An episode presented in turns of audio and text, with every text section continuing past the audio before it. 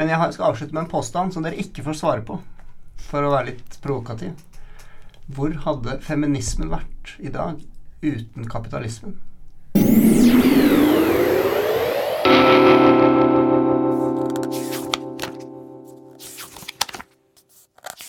Kjære lyttere, kjære medborgere, kjære bokvenner. Velkommen til en ny episode av Bladpodden.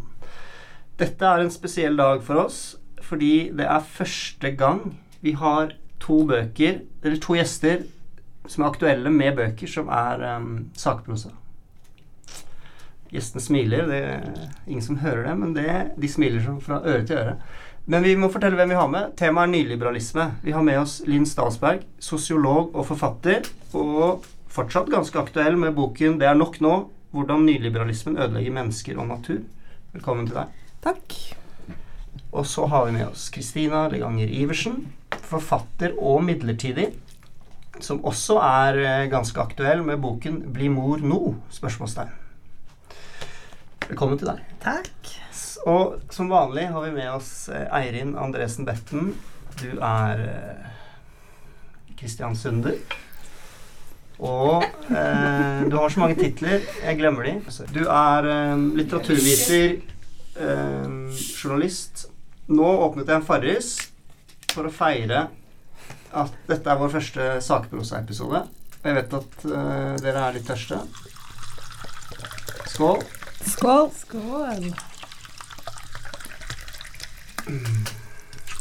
Vi får med den deilige lyden av boble og Mm. Sånn. Um, Kunne delt med deg, Jonas, men koronavirus. vi skal bli litt kjent før vi kommer i gang med temaet. Og da er det vanlige spørsmålet hva leser du for tiden? Så jeg spinner den blyanten, jeg. Den kom på deg, Eirin. Gjorde den det, ja? Ja. ja? den kom egentlig på deg. Jo, men jeg er så beskjeden. Okay. Vel, jeg leste de to bøkene som vi skal snakke om i dag. Da. Det er jo egentlig det, jeg det siste jeg har lest. Men eh, jeg har begynt å lese Skal vi se Vi har den lista? Maggie Nelson i blått begynte jeg å lese i dag, Mm. faktisk. I lunsjpausa. Nydelig bok. Egentlig bare veldig små, sånne bitte, bitte små kapitler og sånn, ja, par linjer. Jeg vet ikke om du kan kalle dem kapitler, tanker. Uh, innfall om fargen blått. Mm. Um, minner meg litt om uh, William H. Gass sin bok om blue. Aldri hørt om. Nei, nei, det er jo en sånn filosofering over fargen blått. Veldig fint. Nydelig farge. Ja. Ja. Det er veldig den fragmentariske formen, er det ikke det? Ja, Det er litt et, Jeg har jo andre bøker òg. 'Argonautene' òg. 'Fragmentarisk'. Samme, er samme stilen. Mm. Typisk nyliberalistisk. Det er Ikke sant? spredt. Det spredte. Mm. Hva leser du for tiden, Linn? Jeg leser flere bøker på en gang, jeg. For at jeg kommer ting inn posten, og så klarer jeg ikke la være å begynne å lese. Så jeg leser eh, Frode Helland, eh, som jeg tror heter 'Rasismens retorikk'. Mm. Eh, den er eh, gøy. Eh, den eh, analyserer jo en del av disse ivrige skribentene på Facebook Høyre, som jeg jo følger i det daglige, og nå får jeg dem plutselig i analytisk form. Så det er spennende. Og så leser jeg også Nesrin Malik, 'We Need New Stories'. Og det har hun jo helt rett i. Det gjør vi. Eh, så det er liksom det ene jeg driver med. Men så på kveldene så er det eh, Nasneen Khan Østrems bok om London, som er eh, kjempefin. Og tjukk, så den liksom ligger der og tar til tid, da. Hva, hva er vinklingen i den?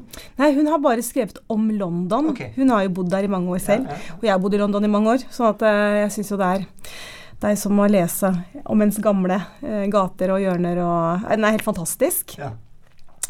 Um, Kommer du med inn? Enda flere bøker du leser nå? Ja, ja, ja. Nei, dette er jo bare Jeg leste akkurat Nils Øyvind Haagensen også. Diktsamlingen hans, som jeg syns var kjempefin. Og så, eh, symptomatisk nok for livet for tiden, så begynte jeg på en ny bok om stress og sykdom. Den, den, den, den traff meg liksom sånn utrolig midt i magen. Da. Den bare må jeg ha. Eh, den handler også om nyliberalisme. Altså den handler om måten vi forstår sykdom på da, okay. eh, i vår tid. Ja. Jeg bare tenkte når du nevner Frode Helland og den We Need New Stories, den kjenner jeg ikke så godt, men er ikke det inn i ditt felt, Kristina? Du har jo hatt en doktorgrad om eh, eh, hva- Scanguilt. Ja, på Scangild-prosjektet. Og da, Ja. Den forskningsgruppen var jo Frode Helland med også. Ja. Eh, Så han skrev jo blant annet en uh, Ja. hjernevask-kapittel i den boken. Har jo vært med i, et, eh, i en antologi som det prosjektet utga, og en lang artikkel er god jeg, har ikke lest den boken, jeg har den hjemme. Den er på Mhm. listen. Eh, fordi det, det er jo mitt, mitt sånn babykaos av et liv akkurat nå. Jeg leser ikke så mye. Oh. Men uh, nå uh, Jeg har jo lest din bok nå, da. Endelig. Det var jeg veldig glad for. Så leser, skal jeg lese litt dikt fremover.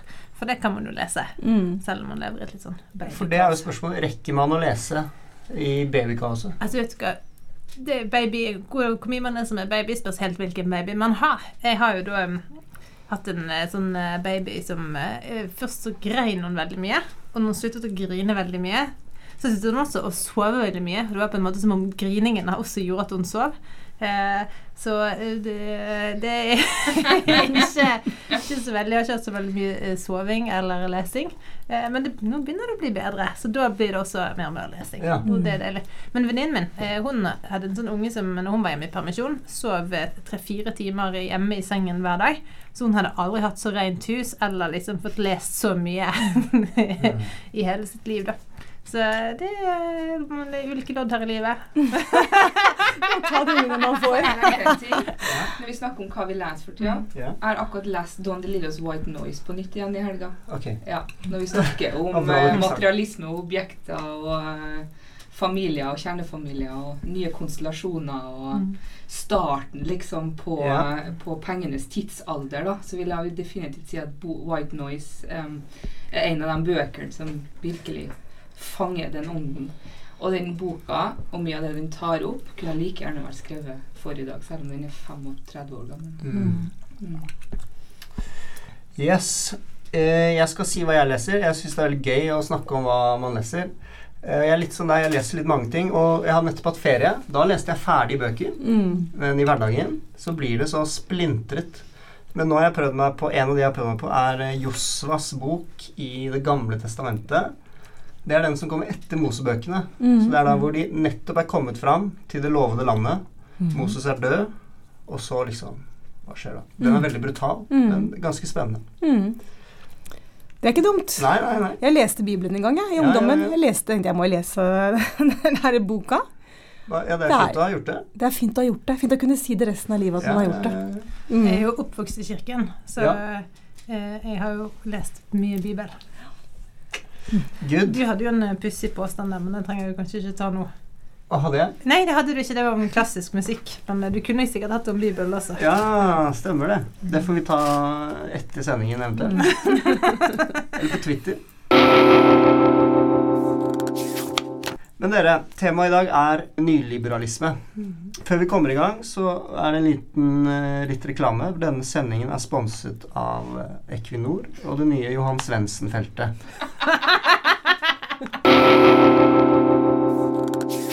Det er, det er selvfølgelig en spøk, men jeg er ikke sponset av noen. Og vi er helt frie. Mm.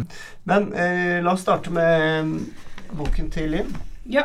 Um, jeg tenker kanskje at en fin måte å innlede boka på Du skal få lov til å forklare nyliberalisme-begrepet. Eh, men jeg ville lese et lite utdrag uh, fra introduksjonen din. Der du skriver Det er på en måte sant at nyliberalismen ikke har et innebygget moralsk kompass annet enn det som handler om å tilrettelegge for markedene. Samtidig avkrever den av oss mennesker visse verdier og dyder. Vi skal være aktive agenter som evner å tilegne oss kunnskap som har markedsverdi her og nå. Det betyr bl.a. at vi skal være positive, omstillingsvillige og kompetente og ansatte eh, og kompetente ansatte og forbrukere. Og hva om vi ikke vil det? Først vil jeg bare forklare litt hva nyliberalismen er, hva det går ut på, eh, Mm. hva det begrepet innebærer, og så vil jeg snakke litt om det å være en kompetent forbruker. Jeg er blitt imponert over det der du leste der. Jeg tenkte, har jeg, har jeg skrevet det? da? Utrolig, utrolig fint. Jeg har ikke lest min egen bok på år og dag.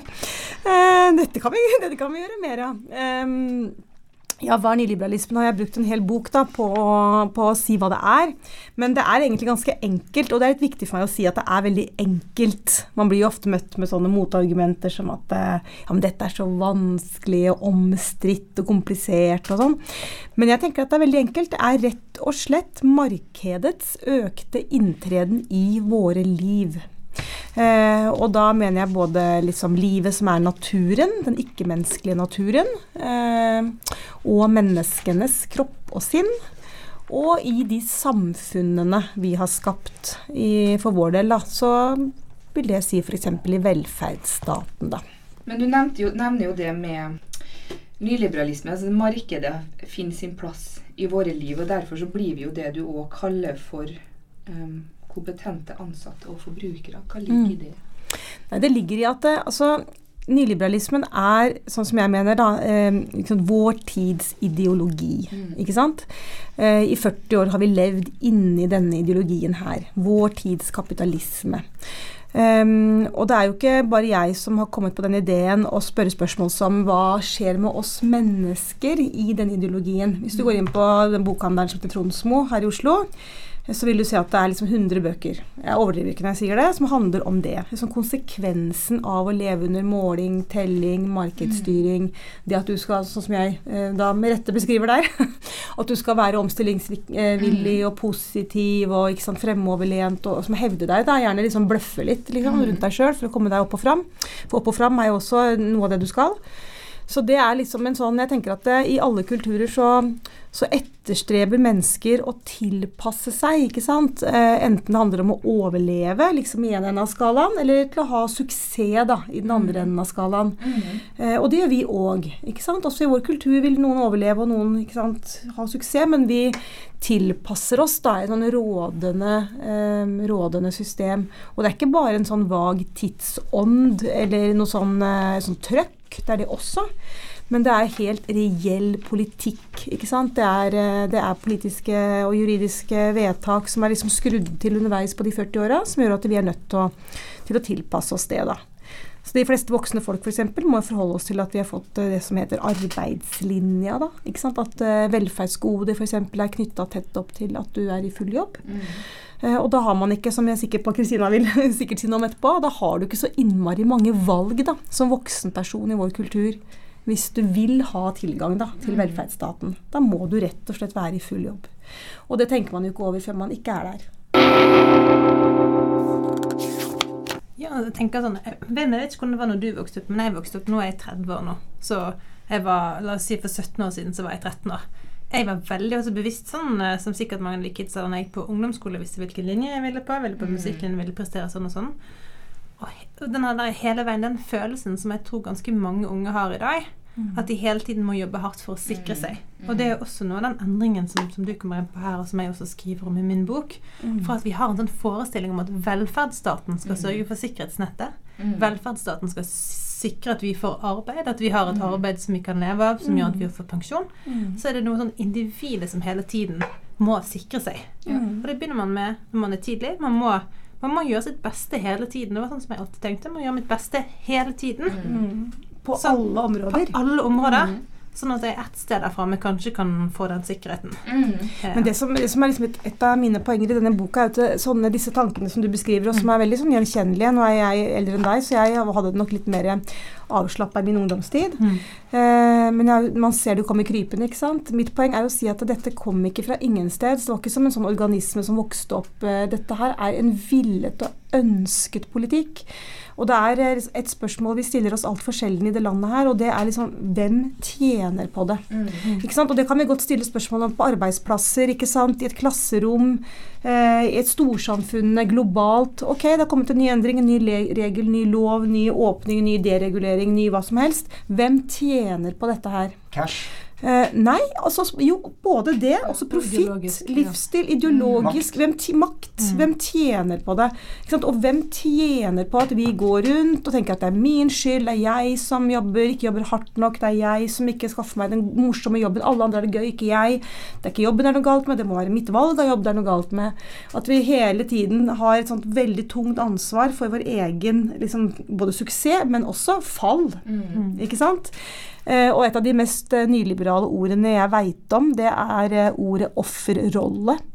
Ikke sant? At vi sier at nei, det er ikke noe ofre her i verden. er Altså, folk har inntatt en offerrolle. Og med andre ord så er det også ditt ansvar å tre ut av det. Det er noe du kan kaste av deg som en sånn kappe, liksom.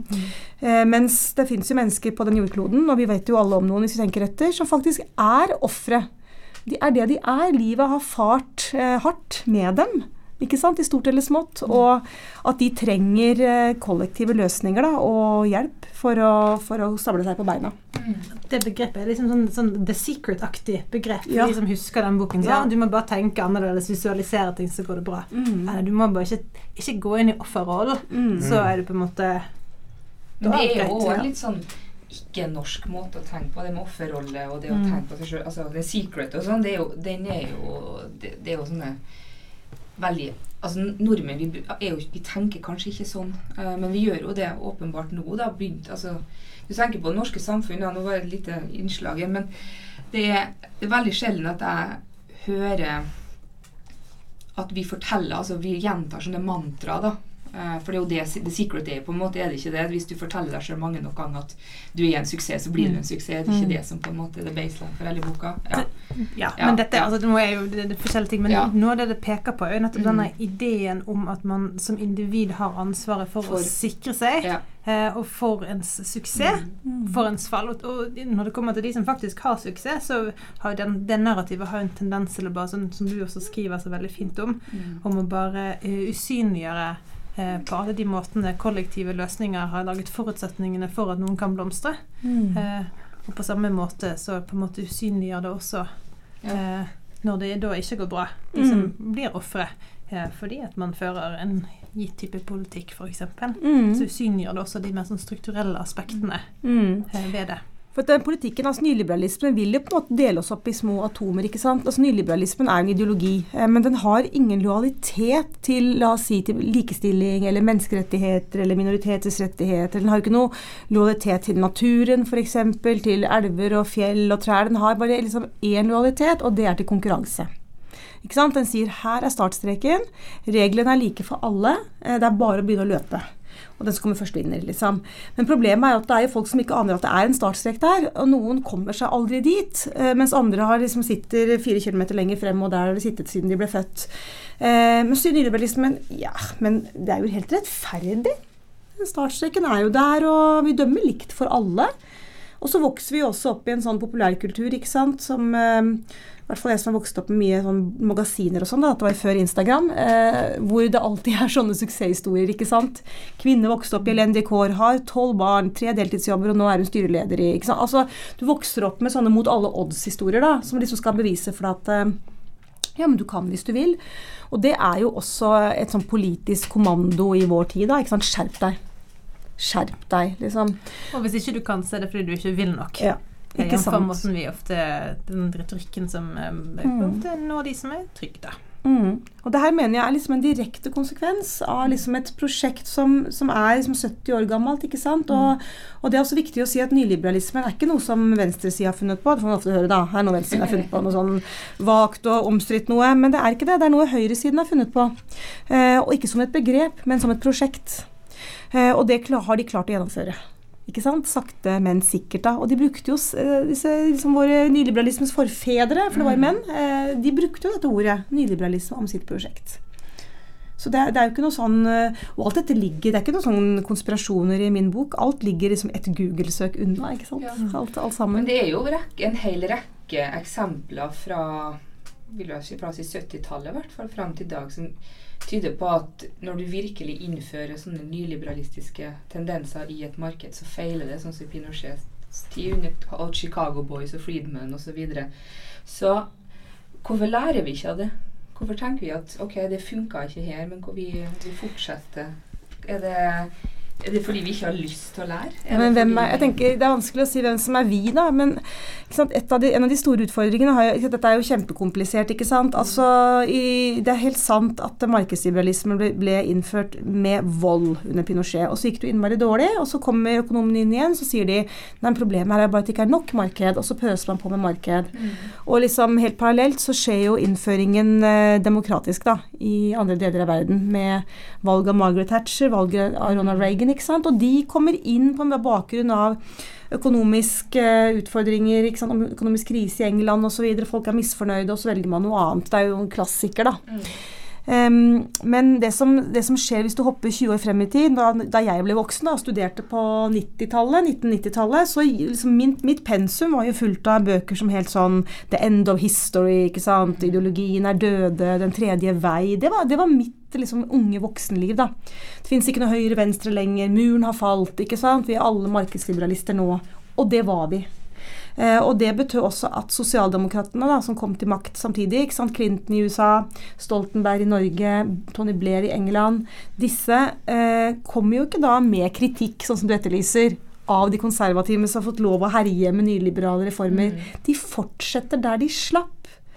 Ikke sant? Ehm, de for, for det, fordi at det har manifestert seg som en sånn type sunn fornuft, tett opp mot modernismen, tett opp mot liksom pragmatiske løsninger. Ehm, og det, er, det her er jo liksom kjempeproblematisk for sånne som for meg, da, som er glad i Arbeiderpartiet, og som på alle måter er en sånn potensiell velligger. ikke sant? Men så lenge ikke de klarer å å snakke åpent om, om at de var med å liksom dekonstruere velferdsstaten, da, og, og, mer enn det så tvil rundt velferdsstatens legitimitet, så, så får de ikke meg på kroken, liksom. Altså det, den debatten må man ta, da. Hva som skjedde under sosialdemokratiet. Hvor ille er det nå? Får eh, dystopiske eh, assosiasjoner når vi snakker nå. Hvilket område er vi på? Natur, I menneskelig Norge. I Norge? Altså, tenker du i forhold til velferdsstat, For eksempel, du, siden det var det du snakket om, da. Altså, la meg si det sånn, Min nevnte tiendeklassing da, han fikk i oppgave nå tidligere Han trakk som muntlig eksamen, og så får han opp et tema som er ikke sant, at uh, velferdsstaten er under press. Det er tema i 10. klasse i 2020. Han kom hjem og tok ut den lappen. Kan du tenke deg. 'Mamma, jeg trenger litt hjelp'. det gikk nokså nok- ja. det gikk nokså bra, for å Vi er alle sånn. like i dette huset. Han kunne, jo, han kunne trukket noe med fysikk, og det hadde gått ganske dårlig, men han trakk da samfunnsfag og velferdsstaten. Noen ganger har man flaks i livet. Um, men altså, det, er, det begynner jo å bli en sånn erkjennelse, ikke sant? at den er under press. Da. Og eh, Thomas Piketty skriver jo i sin siste bok 'Kapital og ideologi', som den heter hvis jeg oversetter raskt fra engelsk, eh, at nå, han mener at nå er det bare noen få velferdsstater igjen i verden. Det er Skandinavia og så litt, sånn litt Frankrike, sier han. Og så er det sånn litt sant, altså du har jo fremdeles noe offentlig helsevesen og sånn i, i europeiske land, men det er nå hans ord at uh, nå står det dårlig til. Nå står velferdsstatene for fall, og vi er litt sånn siste skanse her oppe.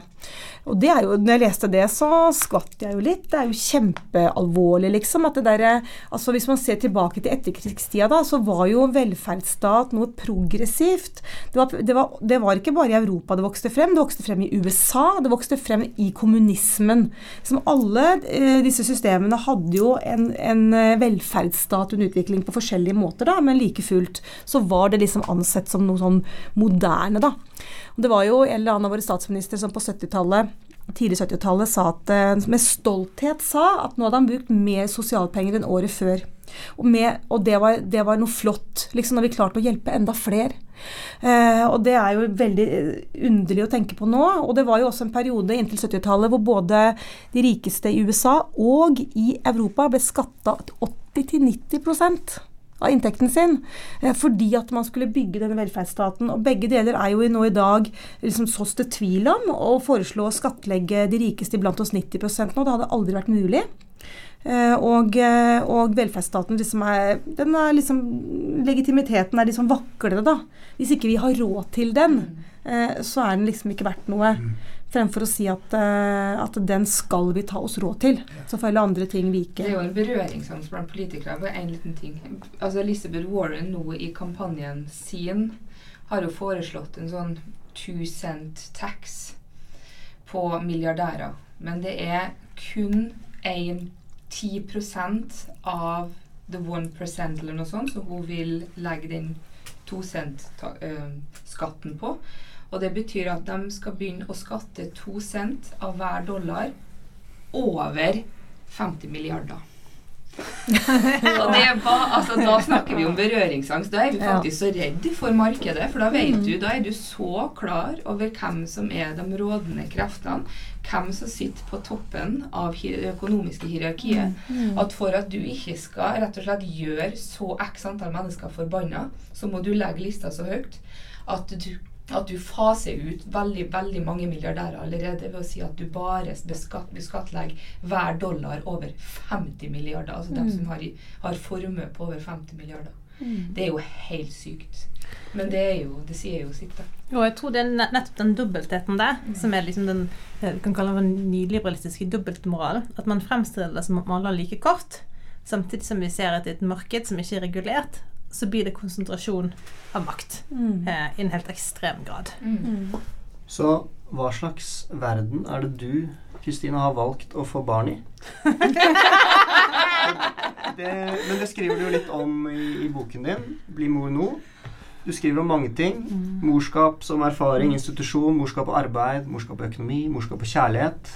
Eh, du liksom sirkler inn dette her på flere ulike vinkler, både personlig og um, også, hva skal vi si, mer um, politisk.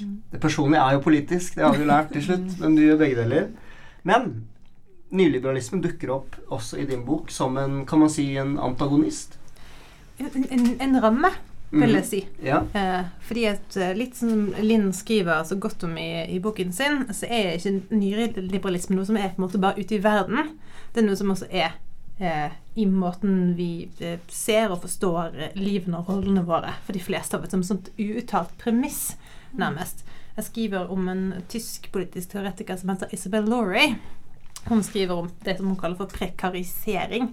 Og det handler om altså sånn som vi har snakket om at der velferdsstaten før skulle gi oss sikkerhet, så har vi nå sånn usikkerheten som et premiss som vi må sikre oss for sjøl. Og det fører til at vi liksom blir vi disiplinerer oss sjøl. Så den logikken som fins der ute, den på en måte blir vårt eget krav til oss sjøl. Og dette handler også om morskap. Eh, Og hvordan handler dette om morskap? Jo, i boken så tar jeg utgangspunkt i uh, dette spørsmålet om man vil ha barn. Og hvis man finner ut at man vil ha barn, når skal man få barn? Det er liksom Bli mor er en del av tittelen, og så er det den nå. Nå eller seinere. Når. Um, fordi at nå er vi jo heldige i Norge at vi har eh, disse ordningene som har blitt kjempa fram, eh, bl.a. av feminister, eh, og bl.a. som en del av eh, det sosialdemokratiske prosjektet, der man som kvinner er mindre sårbare enn man historisk sett noen gang har vært tidligere når det kommer til det å skulle bli gravid og få barn. Men fremdeles er vi jo sårbare.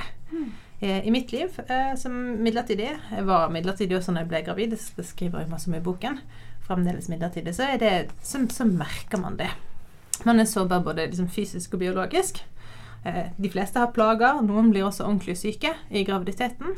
I forbindelse med fødsel, og også i tiden etterpå. Da. Så denne sårbarheten. Og da blir det liksom spørsmålet Hvis ikke man har en ordentlig velferdsstat som tar vare på en, da må man sørge for at man liksom tilrettelegger sjøl. Eh, hvis man ikke f.eks. har jobb og man er usikker på som frilanser, liksom sånn skal man tjene inn penger til eh, permisjonspenger, grunnlag, samtidig som man ikke har sykepenger, man vet ikke hvordan det kommer til å gå. Altså, når, når skal man gjøre det? Når skal man, hvis man sjøl må sørge for at eh, man tar et godt valg, hvis ikke det er tilstrekkelig sikkerhetsnett rundt en, så eh, blir hele dette spørsmålet om eh, når man skal få barn, et, et spørsmål som viser nettopp noen av problemene med på en måte friheten og på hvilket grunnlag man har fått av valg i liksom nyborgerlig tid. Jeg tenkte det, for du skriver så utrolig fint um, om dette. Men, men for vi tenker jo ofte at det, at det handler ofte når vi tenker om disse skal man ha barn eller ei, og vil man, så tenker man bare om det er noe man kanskje har lyst til, eller man har en stemme inni seg. Um, og det er så fint her, for du skriver Kan jeg få lese litt fra boken din? Les i vei. Dette er jo kjempegøy for meg. Så Ja. andre lese. Fra side 132 i altså uh, Det er nok nå. Forskning viser at konseptet valg er tett knyttet opp til hvordan vi forstår individualitet i Europa og USA. Vi vurderes av andre ut fra hvilke valg vi tar, og disse valgene forteller andre mye om hvem vi er. Valg tolkes i tillegg som noe vi tar autonomt, i tråd med vår indre stemme, og denne indre stemmen som hjelper oss å ta valgene, sier dermed andre noe om hvem vi i bunn og grunn er. Tar vi gode valg, blir selvbildet godt. Vi fremstår som en god person. Dette med at valget er et eget ansvar, og at det sier andre noe om vår identitet, legger en stor byrde på mennesker i dag. Og denne forståelsen av valg som noe vi har kontroll over, eh, som vi har kontroll over selv, er nettopp noe av det mest nyliberale vi har tillatt oss. Mm. Så, så noe av det jeg gjør i boken med å se på dette valget, om man vil bli mor, om man vil bli noe, er på en måte ikke bare å se på min lyst eller ikke lyst, men å prøve å forstå hvilke rammer fins det rundt det valget når man skal ta det valget i dag. Um, Ja. Det var veldig interessant det med valg. Um, kanskje vi skal ta en kort snakke om det kort? ja, det kan vi godt. jeg bare lurer på Hvis valget ikke Hvor, hvor vil man i en, i en drømmeverden, da? Perfekt verden. Hvor vil man plassere eh, valget? Hvis, hvis ikke hos individet? Er det da et, et, altså et fellesskapsprosjekt? Nei, nei, du, du misforstår. Det, Ja. det er noen ting som jeg sier i boken min. Selvfølgelig er det sånn at uh, Ja. det er den personen ja, som eventuelt skal bære for det, det, det ha forstår jeg også. Ja. Sant? Uh, uh, men noe av det jeg skriver om i boken min, eksempel så skriver jeg at jeg alltid har tenkt at det ville vært fint å få barn, men jeg vet ikke om jeg har lyst til å bli mor. Eh, av de på en måte, Mm. rollene og forventningene som fremdeles er til morskapet. Det er jo sånn kulturelt eh, sett. På den andre siden så er det sånn ok, hvis, man, hvis man finner ut at man vil ha barn og man vil bli mor, f.eks. om man er kvinne, alt det der eh, Ofte så ser man eksempel så skriver jeg om, om, om kvinner som har, har valgt å få barn, og som angrer. Eh, og som eh, opplever det som en sånn skam og et sånt stigma. Mm. Eh, og det fins en sånn redsel også i de bøkene som handler om kvinner som lurer på om de skal få barn, eller som ikke fikk barn, og så det på en måte bebreider de seg sjøl for det. At de tenker bare at de ikke tok et godt nok valg. De, tar, de tar på en måte skammen og ansvaret for Eller de, de har skyldfølelse. De har skyldfølelse. De har kanskje sånn idé om dette valget som at eh, det, for å ta et valg så trenger man kanskje bare å lytte til sin egen indre stemme, og hvis man ikke Ja, tar det rette valget, så har man på en måte feilet. Ja. Eh, Istedenfor å se det sånn at det kanskje var noe ute i samfunnet og i Yes. verden som gjorde det eh, vanskelig å ta et valg, eller som gjorde at de kanskje ikke hadde okay. et reelt valg. Så det du snakker om, er bare en, en økt bevissthet på at det er ikke bare individet, det er også det rundt. Ja. Men du flytter ikke hele liksom Valget ut av individet. Nei. Nei. Okay. Jeg tror at, Hvis jeg bare kan legge til Mm. noe, for jeg har også lest, eh, jeg har lest eh, halve boka til Kristina, det var det jeg rakk, men eh, da har jeg noe å glede meg til. Um, men jeg tror at det, litt, av, liksom, litt av det liksom, nyliberale prosjektet går jo ut på å gi oss illusjoner om valg, ikke sant? Ehm, det, gir, liksom, det gir oss troen på at vi har fryktelig mange valg, og så har vi ikke så mange valg som vi tror. Det er liksom sånn som jeg mener, da. Eksempel kan jeg gå ut nå etterpå, så kan jeg velge kan gå i den der godtebutikken borti gata, så kan jeg velge akkurat hvilke smågodt jeg vil. Ikke sant? Eller jeg kan velge hva slags middag jeg vil ha i, liksom, i forhold til hva slags utvalg Rema 1000 har til meg. Jeg kan velge sånne ting, men jeg kan jo ikke velge f.eks. lengden på normalarbeidsdagen. Jeg kan ikke velge å kjøpe klær som ikke er sydd i, i India og små unger, ikke sant? fordi det har ikke jeg penger til. Og jeg kan ikke velge at jeg skal ha nærferie, og, og, og derfor skal jeg kjøpe meg en hytte på Sørlandet, for det har jeg ikke penger til. Altså, det, er jo, vi har liksom, vi tror, det er et- eksempel av tusener, ikke sant? på at vi tror vi har så mange valg. Litt det samme som i når amerikanerne eh, hvis, hvis du får en kritikk der fra amerikanere som sier vi har sånn topartisystem, det er kjempedårlig gjort, ikke sant? vi kan bare velge to partier. Nei, sier noen da. Det fins jo flere partier i USA. Det fins mange småpartier der. Det er jo ikke noe reelt valg. Ikke sant? Altså Det er sånn, det er illusjonen om valg, da. Kan jeg komme med en anekdote? Ja. Bestefar og bestemor de lever ikke lenger, men da de skulle kjøpe en ny bil, så fikk bestemoren min velge farge. Eh, den, det var mellom to eller tre forskjellige gråfarger. Fordi Det er så bra bestefaren min hadde på- pengene, ikke sant. Ja, ikke sant? Ja. Ja, men det er bilder på vår tid. det. Jeg skal jeg bruke neste gang jeg snakker om det. Men jeg, men jeg tenker at det er liksom Ja, det liksom må du ikke gjøre. Ja, den er, jo, den er så fin at den, jeg, kan, jeg kan si det, kalles, kalle det min egen bestefar. Men én ting er liksom at når det skjer på sånn forbrukerstadiet, og at det er ofte færre store aktører da, enn vi tror i verden, for de eier så mange merker hver. Så vi tror vi velger, og så er det samme Ja, ja. men det, andre, men det andre er at det er mer alvorlig enn det. For det skjer også på et politisk plan, f.eks. Eh, at vi, også der også etableres det liksom en sånn konsensus, en sånn sunn fornuft, noen maktrelasjoner da, som gjør at vi heller ikke har så mye valg da, den hvert fjerde år hvor du går og, går og velger, liksom. Og det, eh, ja. alle, alle de fundamentale tingene, f.eks. sånn som når man snakker om ja, deleøkonomien, om frilansing At vi har nå kan vi, har vi muligheten til å leie ut et rom i, i huset vårt, på Airbnb Du sier det med sånn bitende ironi. Kan du ikke være litt takknemlig, da? Men der er det jo altså sånn for eksempel hvis jeg som jeg har vært midlertidig eh, nå altså Først tok jeg en doktorgrad. Jeg var veldig heldig privilegert og var ansatt sånn i tre år. Så fikk jeg et år til, for jeg leverte på tiden. Det var veldig heldig. Men så ble jeg jo gravid 19 dager før den kontrakten gikk ut. Så fikk jeg sånn tre måneder til der, så fikk jeg fire måneder til. Og nå er jeg da på en sånn en seks måneders eh, kontrakt i, på en annen arbeidsplass, da. Jeg, og jeg er jo høyt utdannet, så jeg har jo i utgangspunktet god lønn selv om jeg er midlertidig. Så jeg skal ikke på en måte klage med nød veldig mye. Men, men de aller fleste, eh, hvis de kan velge om de skal ha en fast jobb eller om de skal ha en fire måneders kontrakt, eh, velger jo en fast jobb. Og i tillegg til de som har på en måte korte kontrakter, så er det de som har nulltimerskontrakter. Altså som eh, Det er visst ikke lov Sånn som lenger i Amazon. Nei, det er ikke lov eh, lenger. i Norge. Men Mm. det var lov før. Mm. Eh, for inntil det ikke så nå husker oppgjør i byggebransjen for noen år siden. Mm. Mm. For eksempel. Mm. Eh, og det ser man jo i mange andre områder eh, i verden. At, og det, jeg tenker noe av det vi på en måte viktigste for meg når jeg plasserer meg på venstresiden, er at jeg tror på en grunnleggende interessemotsetning mellom oss som må jobbe for å ha råd til å leve, Mm. og de som ikke trenger det. Mm. Eh, de som er kapitalister. Veldig mange er sånn Ja, ja, men venstresiden er det egentlig noen arbeiderklasse igjen og mid... Altså, sånn, men det, vi kan godt snakke om arbeiderklasse og middelklasse, det er viktig, men det er ikke så viktig som skiller mellom alle oss som må selge arbeidskraften vår, eh, og som har eh, godt av et organisert arbeidsliv der fast ansettelse er normen, som må kunne tjene opp pensjonspoeng eh, og ha en god pensjonsordning fordi vi ikke kan leve av kapitalinntektene våre. Mm. Det er liksom den grunnleggende tingen.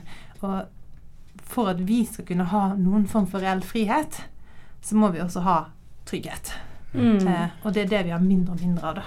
Mm. Du skildrer noe veldig fint i boken din, Kristina. Eh, for det er jo den drøftelsen Skal vi tørre å få barn? Eh, Du er eh, mellombels, som du sier, eller mellom midlertidig. Mm.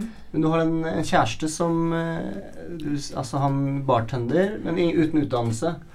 Så det er jo på en måte en Dere tar litt sats, da, og slår til. Vi gjør jo det, og det, det er jo vittig men han. Har jo han Inge, som han heter. Eh, han var en av disse her med en sånn veldig så glad ungdomsgjeng. De var på universitetet, men de lagde også liksom De lagde, altså de lagde et eh, plateselskap i Trondheim og festivaler. Gjorde veldig mye sånne ting. Så det ble litt studiepoeng, men det ble kanskje ikke så mange. Og han fant i hvert fall ut at det, det var nok ikke Altså, han skulle ikke bli noen akademiker, og han holdt på med sånn historie og idéhistorie og sånn type ting, da. Ja, og så jobber han i bar.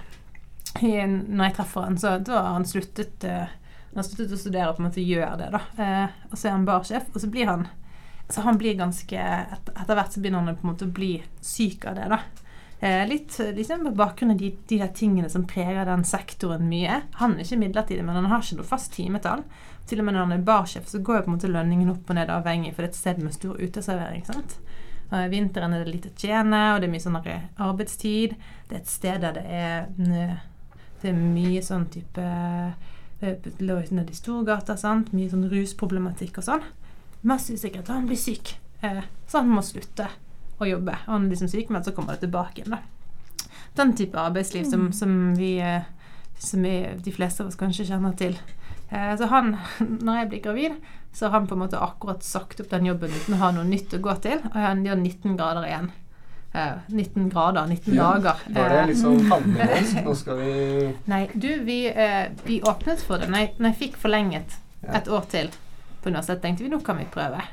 Men da, min kropp spilte jo ikke med på laget da. Eh, jeg var jo så full, for jeg hadde nettopp levert eh, avhandlingen. Jeg var så full av stress at da hadde jeg først ikke noen menstruasjon på 80 dager, alt dette skriver jeg om i boken. sant? Det var veldig interessant. Det var den uh, hit home, for å si det sånn. Ja. Mm. Mm. Apropos det du skriver om, sant? om hvordan dette her stresset setter seg i Mm. kroppen. Um, og hvordan det faktisk rent, altså helt sånn konkret påvirker den muligheten. Så her var det en økonomisk eh, en lomme Mm. der jeg hadde liksom jobbet. Og hvis jeg hadde på en måte kunne bli gravid liksom relativt tidlig, så hadde det gjort at jeg på en måte hadde ting Mm. på stell. da. Jeg tror det som er sånn forskjellen på, på oss og de generasjonene før oss, er at jeg tror både liksom mora, faren min og besteforeldrene mine de tok det for gitt at ting gikk fremover. ikke sant? Mm. Eh, de hadde kanskje ikke alle de godene jo, Også foreldrene mine hadde det nok vel så komfortabelt som det jeg og mannen min har det. Vi er jo ikke noe sånn høyinntektsfamilie, men, men eh, de hadde noe annet, liksom. De hadde det med at ja, ting blir bedre. De var trygge på at ja, våre barn klarer seg uansett, f.eks.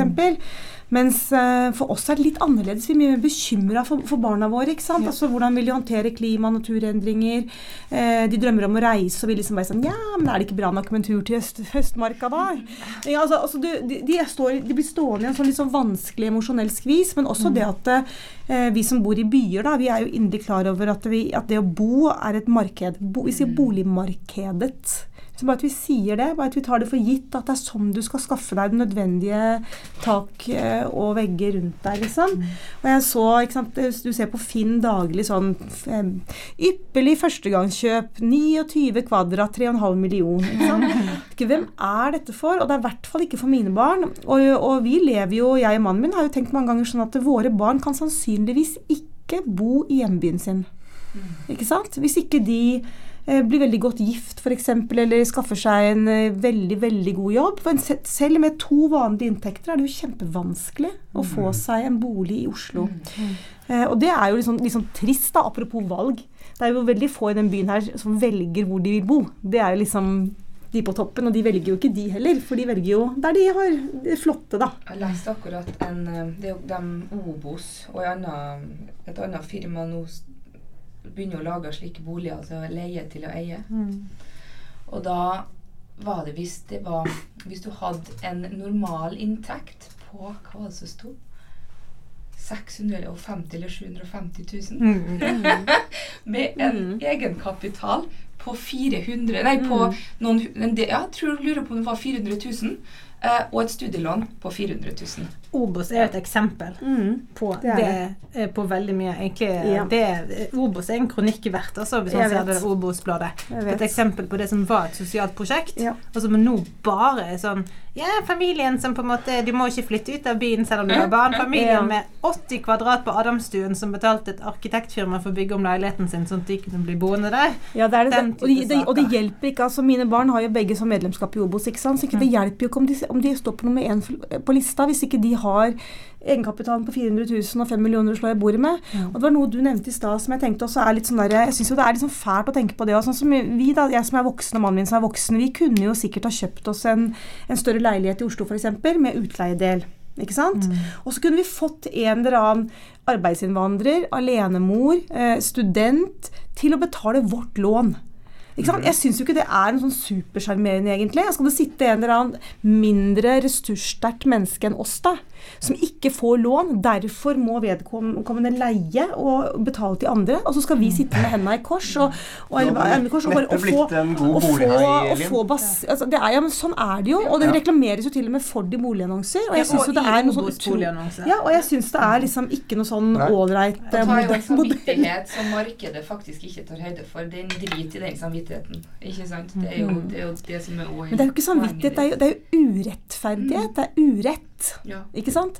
Eh, og det er også litt sånn typisk i vår tid at det, hver gang du snakker om urett eller urettferdighet, så er det sånn er det misunnelig. Eh, nei. Men jeg syns bare det er urettferdig. Altså Hvis vi virkelig mener at alle mennesker er like mye verdt, som vi jo liker å si på nyttårsaften og taler og sånn, eh, og egentlig bare da, så må vi jo ha en politikk, da, politikk som, som caterer for den meningen, liksom. Og det har vi ikke. Vi har en politikk som mener det stikk motsatte. Vi er ikke like mye verdt. Hvor, hvor ofte er det man i, i dette samfunnet da blir sint over det, disse omstendighetene? Det er jo altfor sjelden. Mm. Og det syns jeg altså det, er Man blir jo heller trist og selvbebreidende tror det og tviler. Ja, det det tror jeg. Personlig, individuell, indre Ja. sinne, den tror jeg oppstår daglig til veldig, veldig mange mennesker. Ja. Men jeg tror ikke at det er så lett å få de tankene ut i offentligheten. For du, og du er redd for hvordan du fremstår. Mm. Når du blir en markedskritiker, f.eks. Og hvis du jeg sier, hvis, og Da kommer vi inn på offerrollen igjen. Da begynner, er det det ordet. Eh, hvis du da begynner å si at jeg er så så gammel, jeg har så, denne jobben, jeg tjener såpass mye, men jeg får ikke sånn, jeg får ikke sånn, jeg får ikke sånn. Og det er og da det for, vil jo si at ja, men du har tatt dårlige valg Mm. som har sørga for at din situasjon ikke er så ideell som du vil ha den. Og det kan føre til veldig masse indre stress, tror jeg, blant veldig mange. Og en ting er hvis man går ut offentlig, men også bare sånn, okay, tilbake til sånn ja, Vi får dette barnet, vi har liksom eh, ingen midlertidighet. Vi bor i den toromsleiligheten på Ring 2. Det gjør vi fremdeles. Og nå har vi funnet ut sånn ja, vi kan, vi kan bygge en sovealkove. Da kan vi bli boende der et par år til. Men bare det også, og liksom i sånne middagsselskaper på arbeid og sånn, si sånn der, ja, vi bor, vi bor i en toromsleilighet, vi bor liksom på Ring 2. Så er det sånn, ja, eh, men eh, går det bra for den ungen? Al al altså sånn at det nærmest er sånn eh, det, det er farlig. Mm. Og det er nærmest litt sånn at vi I og med at vi velger å bli boende der vi bor, så er det nærmest en sånn der, Det er nærmest litt sånn tegn på at vi kanskje er litt uskikkede som foreldre. Fordi at det burde ikke der ungen bo liksom ikke rett ved en vei. Jeg burde ikke, eller ha, En ting er hage, men i hvert fall hatt sånn eget rom. Eller burde ikke dere ha et eget rom? Altså sånn eh, må jeg si sånn her Du, vi er to mennesker uten en fast jobb mellom oss. Mm. Eh, det er sånn realiteten er. Men det er mange som dere, altså. Nå har jeg Ja, snakket ja, ja. litt sånn eh, Jeg skammer meg ikke over det, men jeg, for jeg er litt mer sånn der, jeg ville synes det var uansvarlig. Til og med Mm. hvis vi hadde fått lån, om vi skulle tatt opp liksom sånn den derre eh, i, i lån, sant? Eh, Mm. Uten å vite at vi faktisk hadde muligheten til å betjene det. Men, men det blir sett på som om det er bare noe vi velger. Mm. Eller som om vi lar være å velge bedre forutsetninger. Sånn, for Annie, Jeg tror ikke hun kommer til å merke om hun bor i hvor hun bor, men, men andre voksne. Og det er en sånn klasse, sånn middelklassemåte også å tenke på. At eh, alle de menneskene som har gjort alle de andre valgene, de har bare gjort det fordi de er gode og snille og velger det beste for barna sine. Uten å faktisk kan innse at om du har de valgmulighetene eller ei. Mm. Ja, Ender har dere opp med å ta si. mye mer lån, så blir det jo slik at du lever for å bo. Ikke sant? For det er jo en, en Altså, Der sånn, du bruker 50% av inntekta di bare på boliglånet ditt. Sant? Mm. Allikevel er man jo blant de heldige, ikke sant? Altså, med en gang man kan bo med en gang man kan så- kjøpe, Mhm. der sitter man jo på den gylne gren, liksom. Ja. Men dere, nå blir det så mye trist her. Har vi det ikke bedre enn noen gang? Det er ikke en innvending, det er et kapittel i boken din, Linn. Ja, nei, det syns jeg er et, et, et interessant spørsmål, jeg også. Eh, det er jo alltid sånn når jeg også holder foredrag, så snakker jeg om alt som er fælt, og så kommer jeg til det punktet her, ikke sant. Fordi, fordi jeg tror at det er nok mange som kjenner seg inn i det vi har snakket om i dag. Ja, litt sånn stress og angst og vanskelig boligmarked og sånn. Men så vil det også være mange som, som lener seg godt tilbake i stolen og tenker vet du, jeg skjønner meg ikke i det hele tatt. Jeg, jeg har sånn indre ro og kontroll på alt, og jobben er jo helt topp, og den nye boligsofaen min, den er liksom deilig. Altså, det er, det er mange som har det godt i livene sine, og kanskje særlig hvis man er liksom oppi åra og tenker på sine foreldre igjen, da. Så tenker man vi har det jo så godt. Charterturer, kanskje en lita hytte, ikke sant. Men det som jeg, eh, det store spørsmålet som jeg løfter opp i boka, og som jeg jeg også har noen sånne fysiske bilder av når jeg reiser rundt og snakker om det, er jo at ja, ja, det har vi, men på bekostning av hvem, og på bekostning av hva. ikke sant? Og hvor lenge. Og hvor lenge. Mm. Eh, men ikke minst sånn, ikke sant, og på bekostning av hvem. altså for eksempel, Nå sitter vi på et, rundt et bord her, og vi har alle sånne små telefoner på bordet vårt. Jeg er sikker på at vi alle er veldig sånn glad i de telefonene, og det er jeg også. Men jeg veit jo at, eh, at denne kobolten i den telefonen her er funnet av unger som er yngre enn mine egne barn. ikke sant, Som akkurat nå, mens vi sitter her i et komfortabelt rom, holder på å grave ned i en grøft. Jeg vet at alle de klærne vi har på oss, inkludert mine egne, er liksom sydd av i arbeidsforhold som vi, som vi later som vi ikke kjenner til, fordi vi slipper å gå forbi den fabrikken på veien hjem.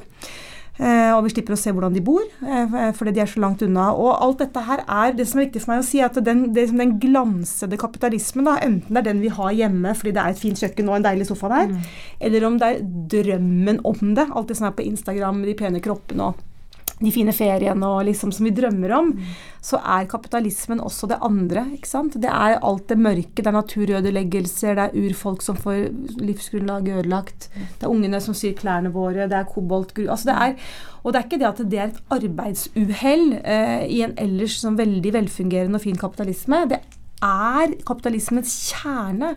Eh, og, det, og da tenker jeg, når du sa i stad sånn hvorfor blir vi ikke sintere, så tenker jeg vi burde være rasende.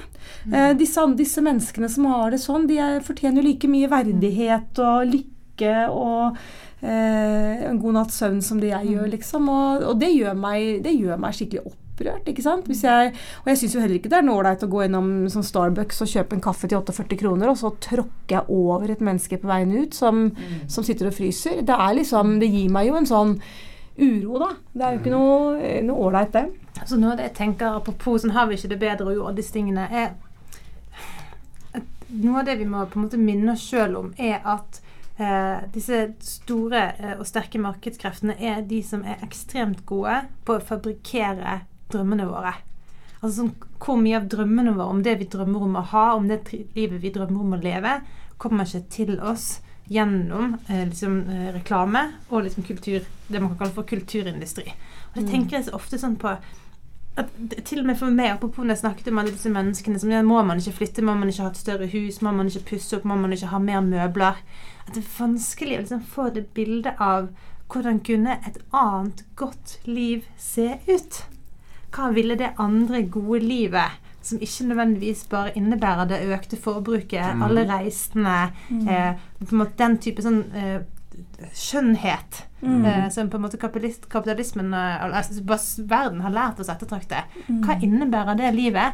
Og selvfølgelig vil ikke på en måte nødvendigvis et stort magasin selge den drømmen, for hvem skal betale annonsene i det bladet som Mm. på en måte presenterer og et, et liv som innebærer å ikke forbruke? Er det noe sånn å bo i båt, liksom? Eller um, mikrohus? Sånne ting? Jeg vet ikke, men jeg tenker på eksempel, noe av det som er interessant med din bok. Hva er hva vi ser for oss på en måte et liv der vi ikke skal ha den, vel, altså den fortsatte veksten i velstand, der vi omfordeler og, og på en måte vi arbeider eh, jevnere, men mindre, vi har mer tid. Vi har kanskje ikke det forbruket. Mm. Vi har kanskje ikke den muligheten til å reise, men vi har mer nærhet og mindre stress. Mm. Og vi har mindre uro for framtiden. Så kan vi, vi kan jo innføre ting som makslønn, ikke sant. Ja. Eh, igjen, liksom det, hvis vi mener alle mennesker er like mye verdt, hvorfor er det Ja, men seriøst, altså. Eh, jeg tenker at det er ganske sånn Det er alltid morsomt å kaste ut det liksom, i en forsamling, skal fordi vokse være, tenker du da? Nei, det veit jeg ikke. Det kan vi dis litt uh... jeg tenker ingen mennesker i landet her trenger mer enn 800 000-900 000 for å leve. Ikke sant? Jeg har aldri tjent mer enn halvparten av det, og jeg er jo ikke Jeg sitter her og Jeg spiser god middag hver dag. Det er er dag. noen studier som viser at man blir lykkeligere og lykkeligere jo mer man tjener. Inntil ca. 800. Kan du se. Da stanser lykken å øke. Men så de har sagt det til, som tjener mer enn det, de sier Mm. nei, nei, nei. nei. Nei, men det er fordi at, ut, det er fordi at du forbruker og, en, og oppfører deg eh, i samsvar med det du tjener. Ja. Så med en gang du tjener 1,2, så har du Så er ønskene dine fundamentalt Ja, ja, ja. enn de er om du skulle ha tjent 500 000, fordi at da Du vil ikke ha Tjener du en halv mil, så si at ok, jeg vil ha den boligsofaen. Det er det, It's a stretch, men det er den jeg vil ha, og jeg skal kunne greie å få det til. Men hvis du begynner å tjene 1,2 den Bolia-sofaen, da går du ikke innom boliger. Da er du på et helt annet Men det er de samme mekanismene. Det? Det er det samme at du skal ha noe ting, ja, liksom. Men det er og det, prisen på objektet, prisen på Ja. Men det er noe annet òg. Det er noe annet også. Hvis du er på en arbeidsplass, og så oppdager du at uh, din overordna f.eks.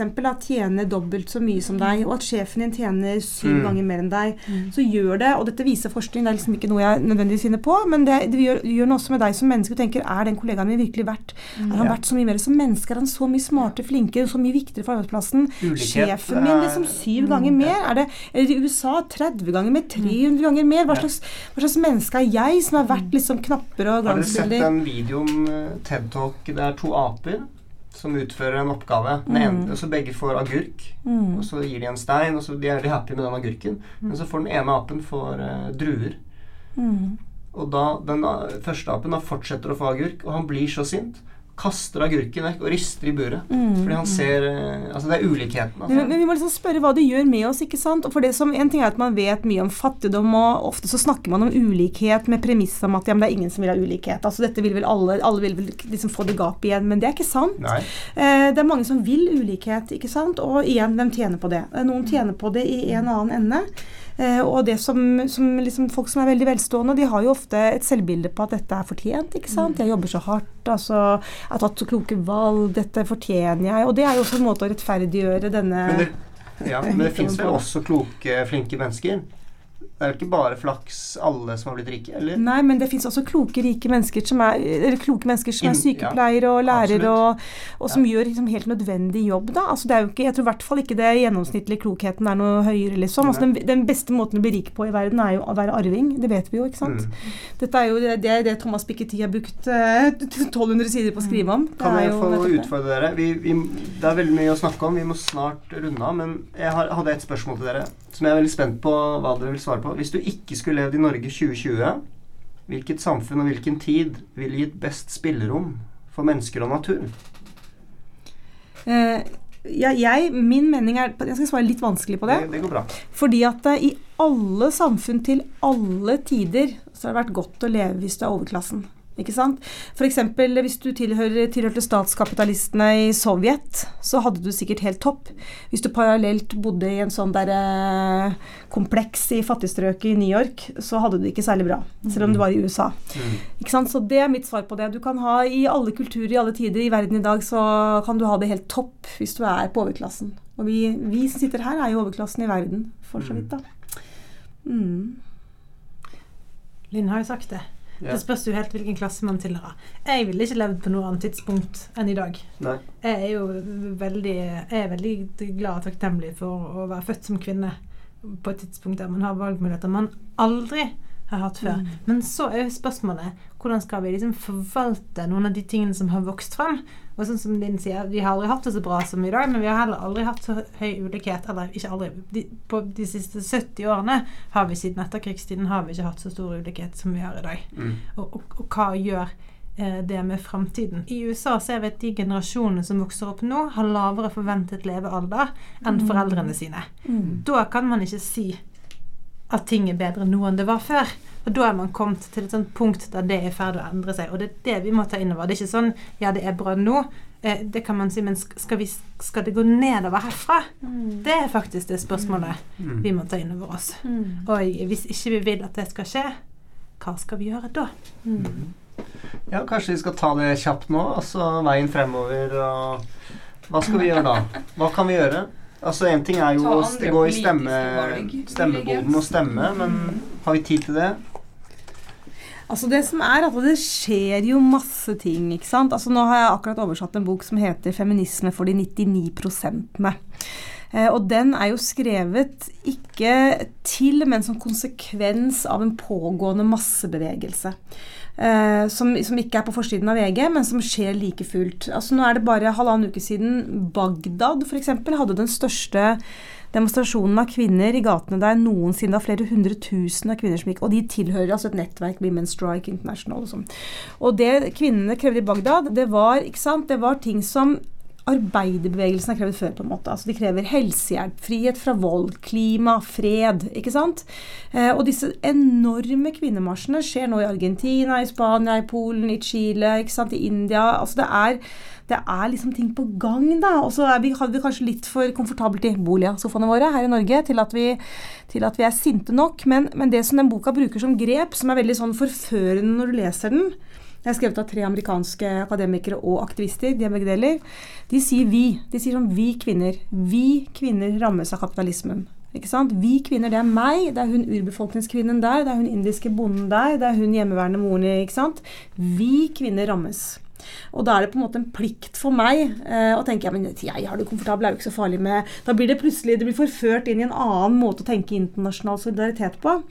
Eh, og det tenker jeg er sånn første skritt da, på endring. At selv om jeg har det bra, eller du har det bra, så er det andre av våre medmennesker som ikke har det. Du skal ikke tåle så inderlig vel. Ja, Hvorfor ikke? ikke sant? For at det, hvis du tar på alvor det med at ingen er fri for alle er fri, da, det, de, det de sier i boka, som jeg tenker eh, også er interessant, er at de sier at du gjør det også pga. deg. For at du, jeg og du og du altså Vi er heller ikke ordentlig fri eh, så lenge andre mennesker lever i ufrihet.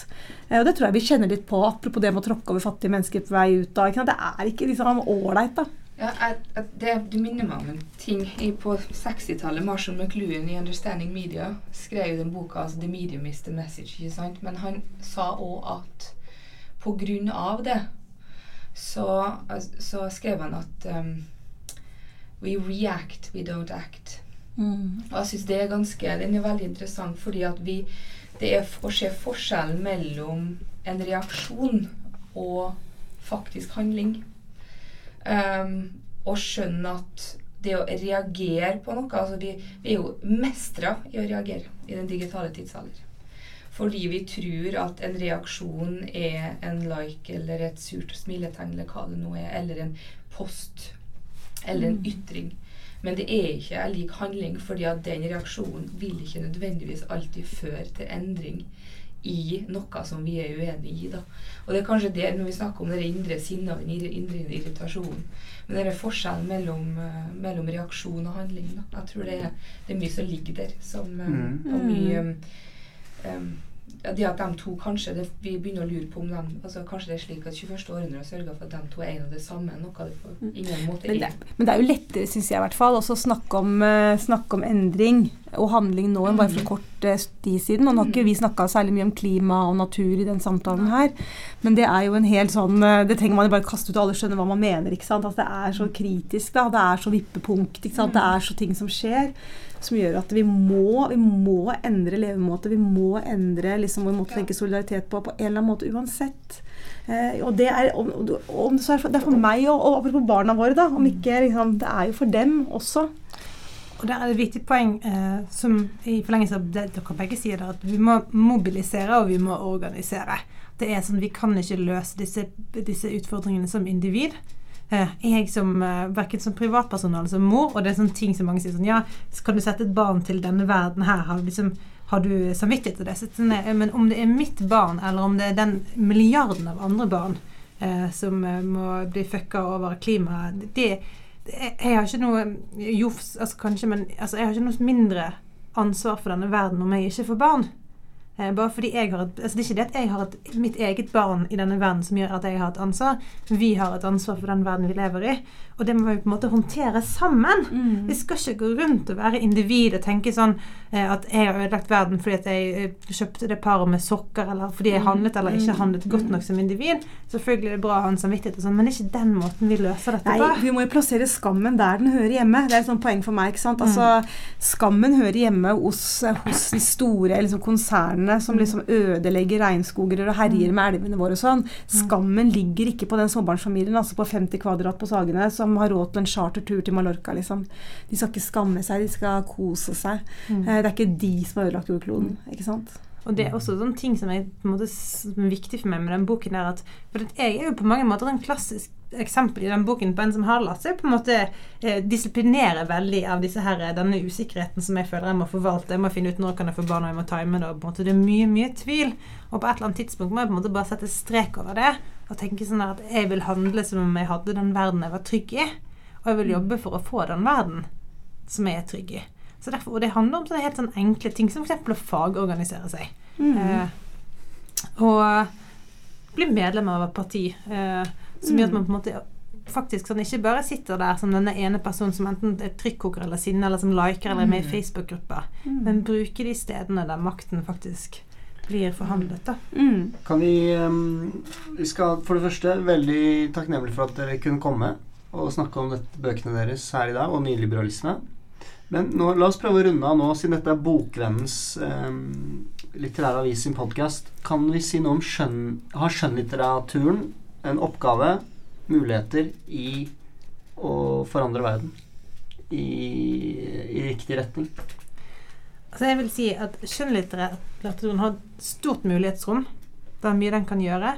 Og nettopp ved å vise eh, kombinasjonen mellom hvordan de store politiske strukturene rører oss dypest sett som mennesker. I din bok så har du jo med sitat fra Edward Louis sin 'Hvem drepte min far', som er en type på en sånn bok som kan gjøre nettopp det. Og det er bra, men eh, vi kan ikke sånn sitte og tenke sånn skjønnlitteraturen burde løse disse problemene for oss. Da må du vente lenge.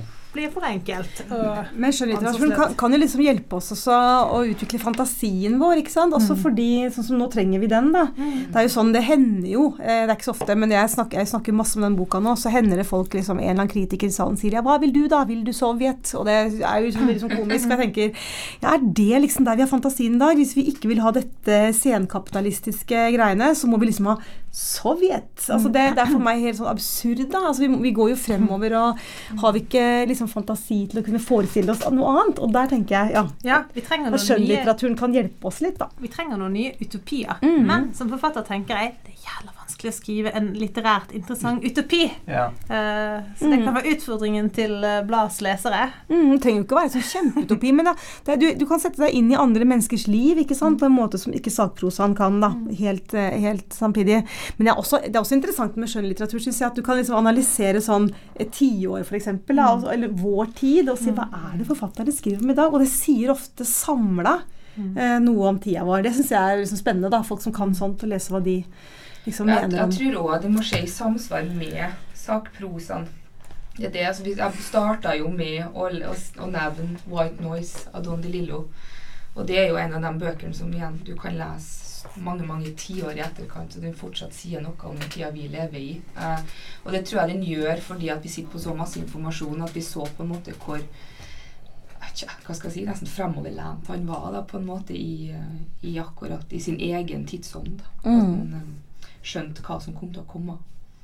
Mm. Men jeg liker også det du, Jonas, hadde ett spørsmål som du ville stille oss. Det var hvilke bøker vi vil anbefale som sier noe om Kapitalisme. kapitalisme. Ja, eller, eller man kan velge Ja. det, eller Ok, ja, jeg syns vi skal, som sagt, siden det bokpod, en bokpod så syns jeg vi skal gi noen boktips. Ja. Kristina? Ja, altså, nå var jo det spørsmålet ikke bok når jeg leste det, så da tenkte jeg jo på eh, noen som ikke skriver bøker, men som man kan følge på Facebook, eh, nemlig Marie Sneve i Ja. nestleder. Veldig on point kapitalismekritiker. Mm. Hun skriver poster på Facebook. Ja, hun er Ja. nestlederen i Rødt Ja, ja, ja. og kommer med fantastiske gode økonomiske analyser. Eh, er også eh, d- d- Hvis vi snakker om eh, sakprosafestivaler med bare menn, det er jo eh, for tiden eh, mye eh, menn i monitor eh, i eh, rikspolitikken Mm. på venstresiden. Eh, der har man et eksempel på en synlig dame. Bra dame. Takk for Ja. Mm. Jeg har veldig sans for hun eh, Nancy Fraser, som er en av forfatterne bak det manifestet jeg nylig svingte innom. Fordi at hun ønsker en ny forståelse av kapitalismen eh, ved å inkludere det hun kaller sosial reproduksjon, altså alt som er ikke-lønnsarbeid.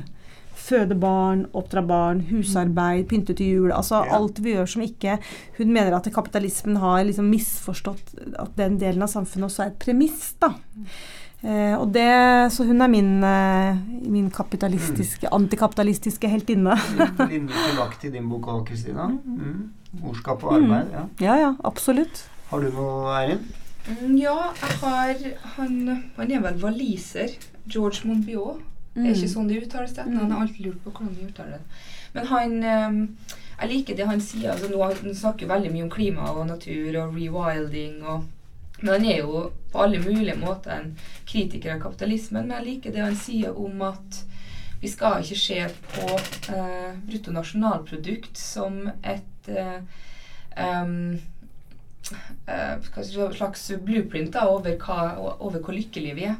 Bare fordi at et land nødvendigvis har en høy BNP, betyr ikke det at vi er lykkelige på individnivå.